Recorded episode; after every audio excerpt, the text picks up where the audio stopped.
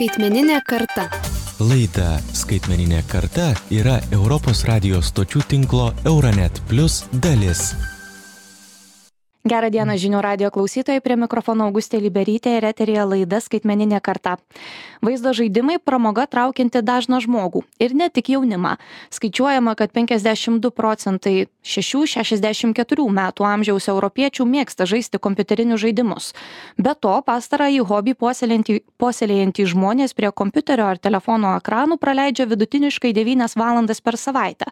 ES mastu vaizdo žaidimai yra įvardyjami kaip viena iš sparčiausiai augančių kūrybinių industrijų, ugdanti talentus ir spartinanti technologinės inovacijas. Sektoriaus vertės siekia daugiau kaip 23 milijardus eurų. Visgi vaizdo žaidimai dažnai yra ir nuvertinami, ypatingai vyresniosios kartos žmonių. Tad valandų valandas prie ekrano leidžiantis jaunuolis sulaukia kartais ir tokių epitetų kaip, na, priklausomas, neturintis socialinio gyvenimo ir panašiai tačiau ar tikrai kompiuteriniai žaidimai tėra smagus būdas praleisti laiką? Galbūt jie turi naudos bręstančiam ir augančiam žmogui. Kitaip tariant ar kompiuteriniai žaidimai yra tik žaidimai? Apie tai šiandieną ir pasikalbėsime. Su mumis nuotoliniu būdu yra šarūnas ledas kompiuterinių žaidimų kūrėjas. Sveiki Sveiki. Na ir prieš pradedant e, pokalbį kviesiu paklausyti trumpos citatos. Primenu, kad laida skaitmeninė karta yra Europinio projekto Euronet Plus dalis. Tad e, mūsų kolegos iš Vokietijos AMS radio pakalbino 16 metį Nojų, kuris pasidalino savo mintimis, kodėl jį žavi kompiuteriniai žaidimai ir kokį žaidimą šiuo metu labiausiai mėgsta. Tad paklausykim. Sveiki, aš esu Nojus, man 16 metų ir man patinka žaisti Minecraft. Ypač todėl, kad gali būti kūrybingas ir visada turi ką veikti.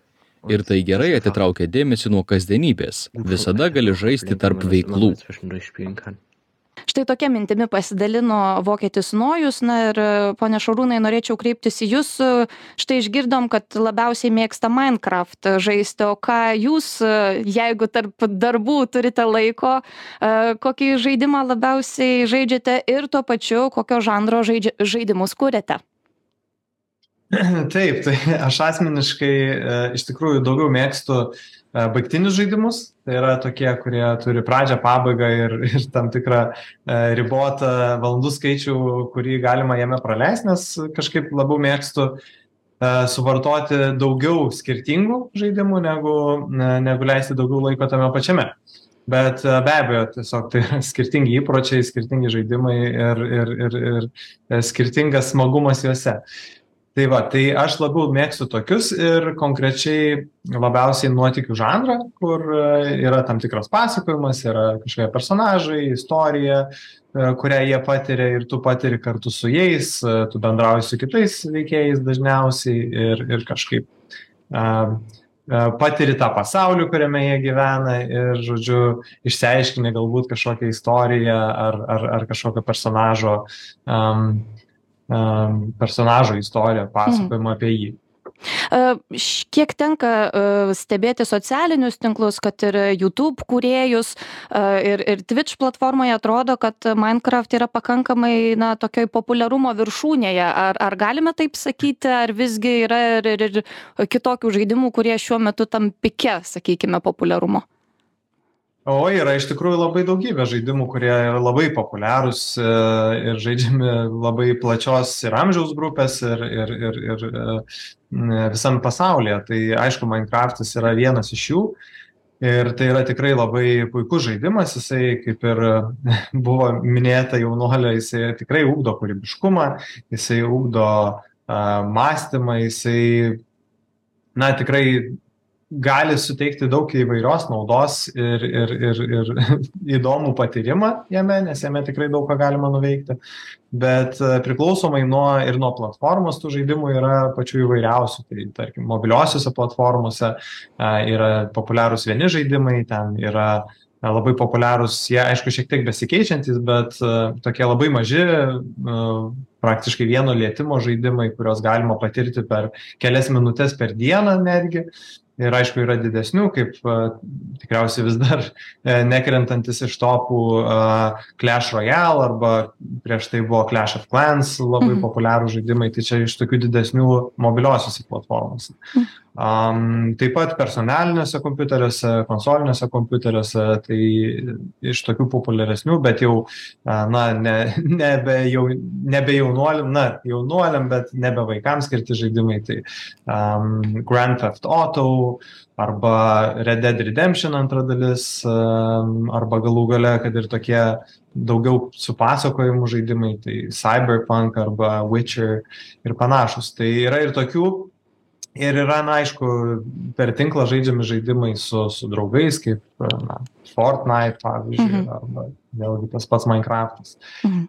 tai iš tikrųjų yra jų labai įvairių ir skirtinguose žanruose vieni yra žaidžiami e, vieno žaidėjo e, bet na labai labai Mhm. daug žmonių juos turi ir žaidžia kiti yra žaidžiami daug žaidėjų žaidėjų e, vienu metu tai E, Kalbant jau dabar apie jūsų asmeninę patirtį, kada apskritai e, susidomėjote jau ne tik vaizdo žaidimų kaip e, hobiu, bet kada atsirado ta mintis pradėti kurti, prisidėti prie viso to kūrybinio proceso? Um, jo, tai iš tiesų uh, tai atsirado, kai man buvo tikriausiai 13 metų maždaug, nes uh, iš tiesų mes uh, su broliu, su kuriuo ir esame įkūrę savo žaidimų įmonę Tag of Joy uh, ir jau 10 metų kuriam žaidimus joje. Tai mes augom kartu ir pradėjom žaisti žaidimus ir iš tikrųjų pradėjom žaisti tuos, kuriuos ir minėjau, tai daugiau pasakojamosius. Aišku, praėjom įvairių žaidimų, bet kažkaip tie su naratyvu, su istorija a, mus sudomino labiausiai ir kažkurio metu pagalvojom, kad na, iš tiesų būtų galbūt įdomu kažką tokio sukurti. A, Pradėjom taip žiūrėti komponentus, iš kurių susideda. Aišku, ten jų yra labai daug ir bendras žaidimų kūrimo procesas yra pakankamai sudėtingas, bet žiūrint kiekvieną komponentą atskirai, atrodė, kad tikrai su laiku išmokus tam tikrų įgūdžių galima tos žaidimus kurti. Tai, tai tikriausiai maždaug, a, kai man buvo apie 13 metų, mes kažkaip pradėjom šiek tiek domėtis ir kažką krapštytis ir, ir, ir iš tikrųjų ten aišku nelabai rimtus žaidimus, bet jau kažkokius kurti.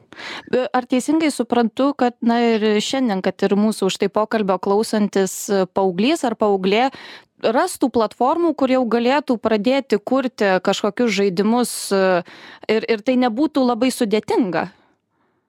Be abejo, kažką pradėti, kažką eksperimentuoti tikrai galima pakankamai ankstyvam amžiui, jau ten žmonės tikrai, vaikai progymnazijose jau tikrai gali kaž, kažkuo užsiimti ir, ir, ir turi pakankamai supratimo apie kūrybą, kad galėtų kurti žaidimus. Aišku, jie tikriausiai nebus labai sudėtingi ir, ir, ir netitiks galbūt tų standartų kaip kompanijos, kurios, kuriuose dirba tūkstančiai ar šimtai žmonių, bet kažką tikrai, kažkokį paprastą, ten, ar gyvatėlę, ar kryžiukus nuliukus, ar kažką panašaus tikrai sukurti galima su esamais įrankiais gan ankstyvam amžiui. Ir tų įrankių dabar yra daugybė visokiausių, kai kurie yra grinai edukaciniai, kurie leidžia, kurie leidžia kurti kažkokius nesudėtingus žaidimus, yra grinai ir žaidimų kūrimo įrankiai, kuriuos ir profesionalai naudoja, bet jie yra pakankamai paprasti, kad a, paaugliai, ypač jau vyresnėse klasėse, tikrai gali imtis ir, ir, ir tikrai dažniausiai turi net ir pakankamai programavimo žinių, jeigu, jeigu mokykloje turi tokias pamokas,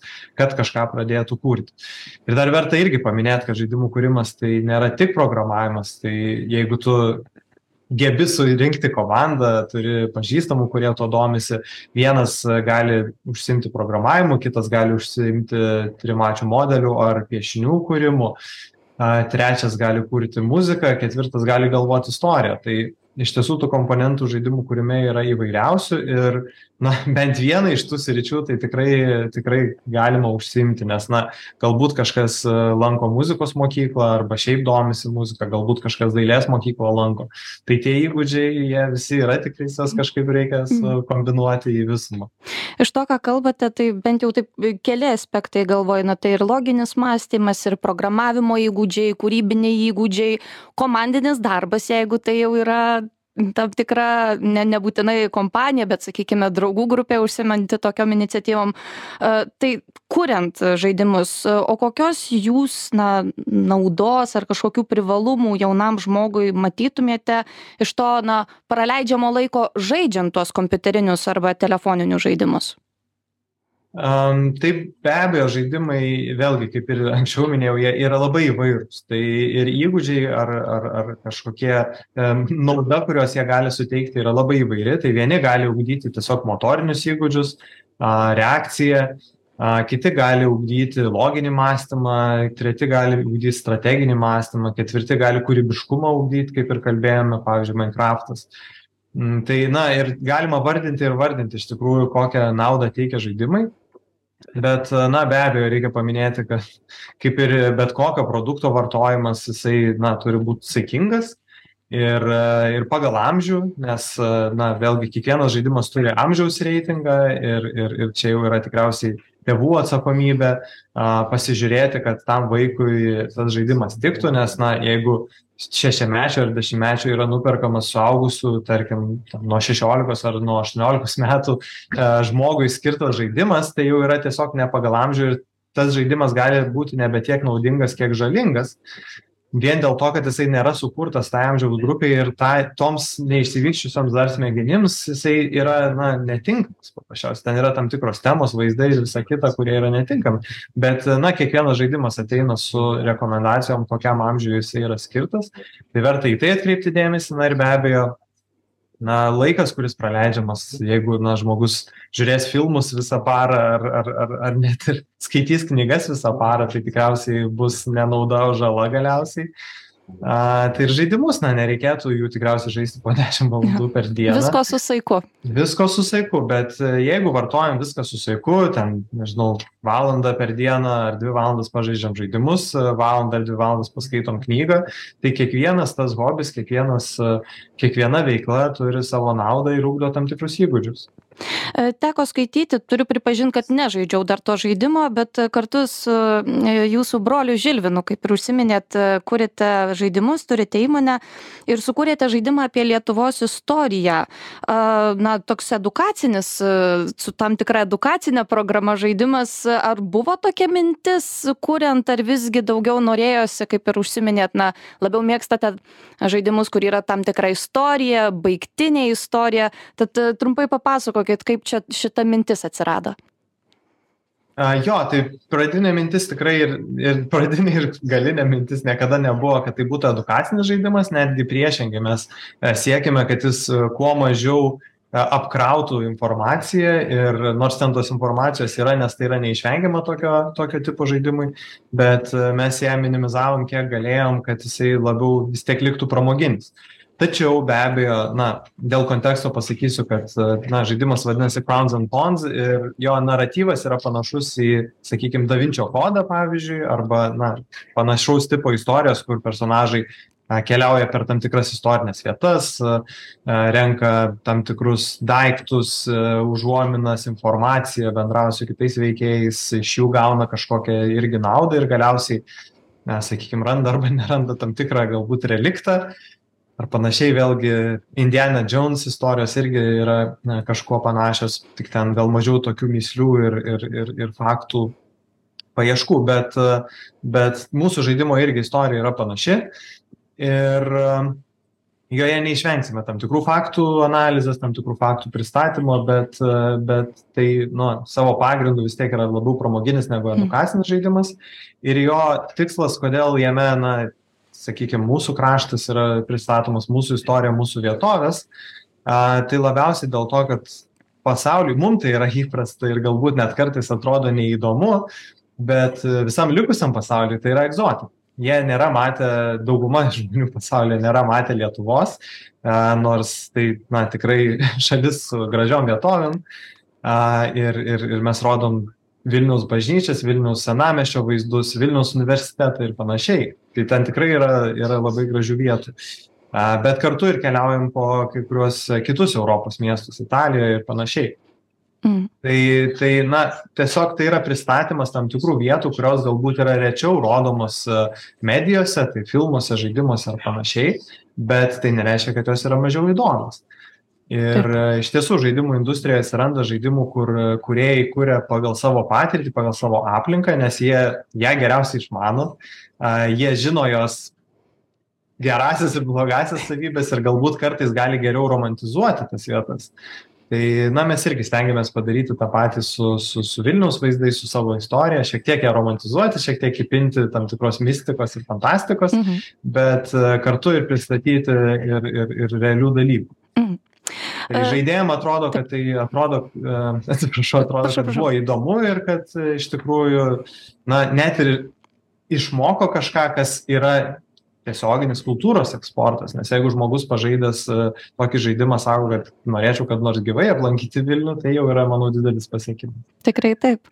E, Dar e, toks įdomus aspektas, ką ir pati labiausiai patyriau per COVID-19 pandemiją, e, man atrodo, ga- galbūt sutiksite ir- ir- ar, ar, arba paneiksite, e, kad daugelis žmonių na, tuo užsidarimo laikotarpiu persikėlė į nuotolinę erdvę, štai kaip ir mes dabar panašiai kalbame, ar ne, per, per, per nuotolį, bet e, supopuliarėjo kompiuteriniai žaidimai, kuriuose galima bendrauti su, su draugais, su kolegomis, su- žaisti uh, online, na, irgi tam tikrą prasme nuotoliu internete.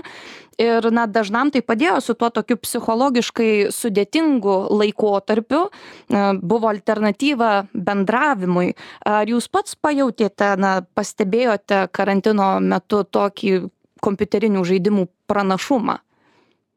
Be abejo, be abejo, aš manau, kad tai buvo puikia priemonė, nes, na, e, be abejo, ir e, šiaip komunikacijos priemonės e, per internetą išpopuliarėjo ir, ir, ir, ir žmonėm, žmonėm tapo tiesiog įprasta ir normalu jomis naudotis. Žaidimai su savimi atneša ir komunikacijos priemonę, na, tie aišku, tinklo žaidimai. Tai jie atsineša ir komunikacijos priemonę, ir kartu galimybę kažko užsiimti. Tai jeigu anksčiau žmonės susitikdavo, pavyzdžiui, pažaisti stalo žaidimų kompanijoje, tai pandemijos metu susitikdavo pažaisti virtualaus žaidimo toje pačioje kompanijoje, tik tais virtualiu būdu. Ir e, be abejo, tai gal nėra visai tas pats, kas gyvai susitiktų su, su žmonėmis, bet kai nėra tos galimybės, tai yra, nu, labai labai geras variantas. Ir, ir tikrai ir mes ir, ir su darbo kolegomis, ir su draugais susiskambinom, susitikdavom virtualioje erdvėje ir žaisdavom kartais paprastesnius, kartais sudėtingesnius žaidimus, nes yra ir labai paprastų, tarkim, na kaip ten, kad ir koks aliasas ar ne, tai ir labai panašių atitikmenų yra ir tiesiog virtualioje erdvėje, Mhm. kurie nereikalauja kažkokių specifinių įgūdžių, bet tai vis tiek yra žaidimai, tai vis tiek yra pramoga patiriama su draugais arba su šeima. Mhm. Tai aš manau, kad tai tikrai buvo labai daugeliu žmonių labai nemažas psichologinis išsigelbėjimas ir, ir, ir už tai turėtume būti žaidimams dėkingi.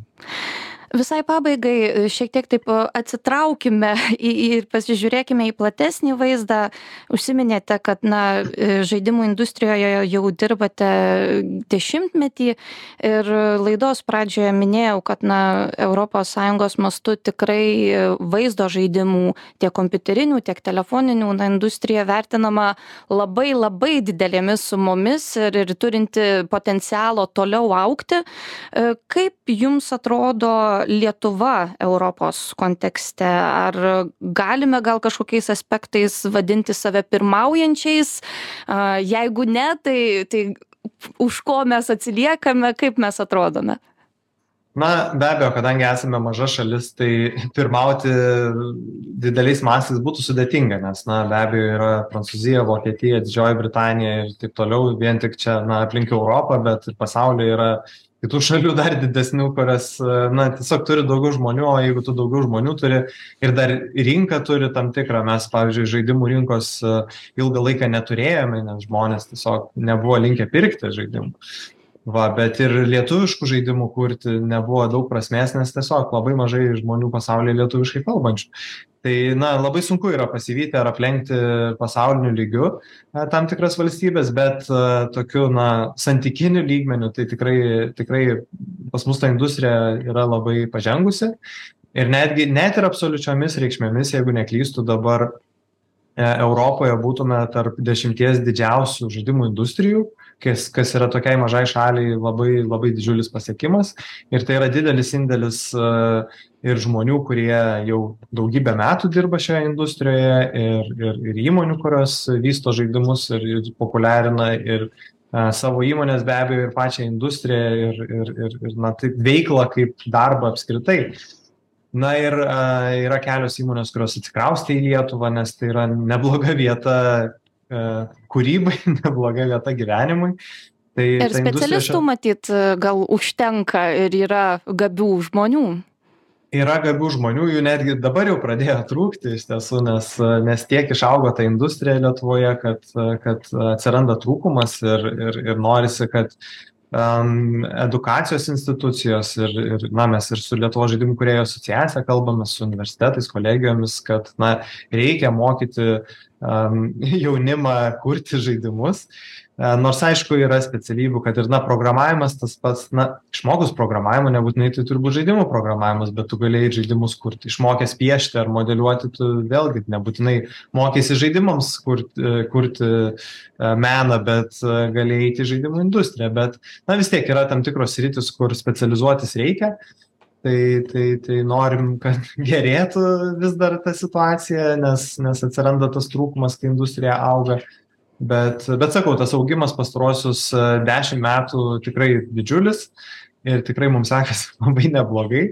Ir visam pasaulyje turim labai daug sėkmės istorijų, gal ne tiek labai daug, bet labai didelių sėkmės istorijų ir mhm. nemažai vidutinių sėkmės istorijų.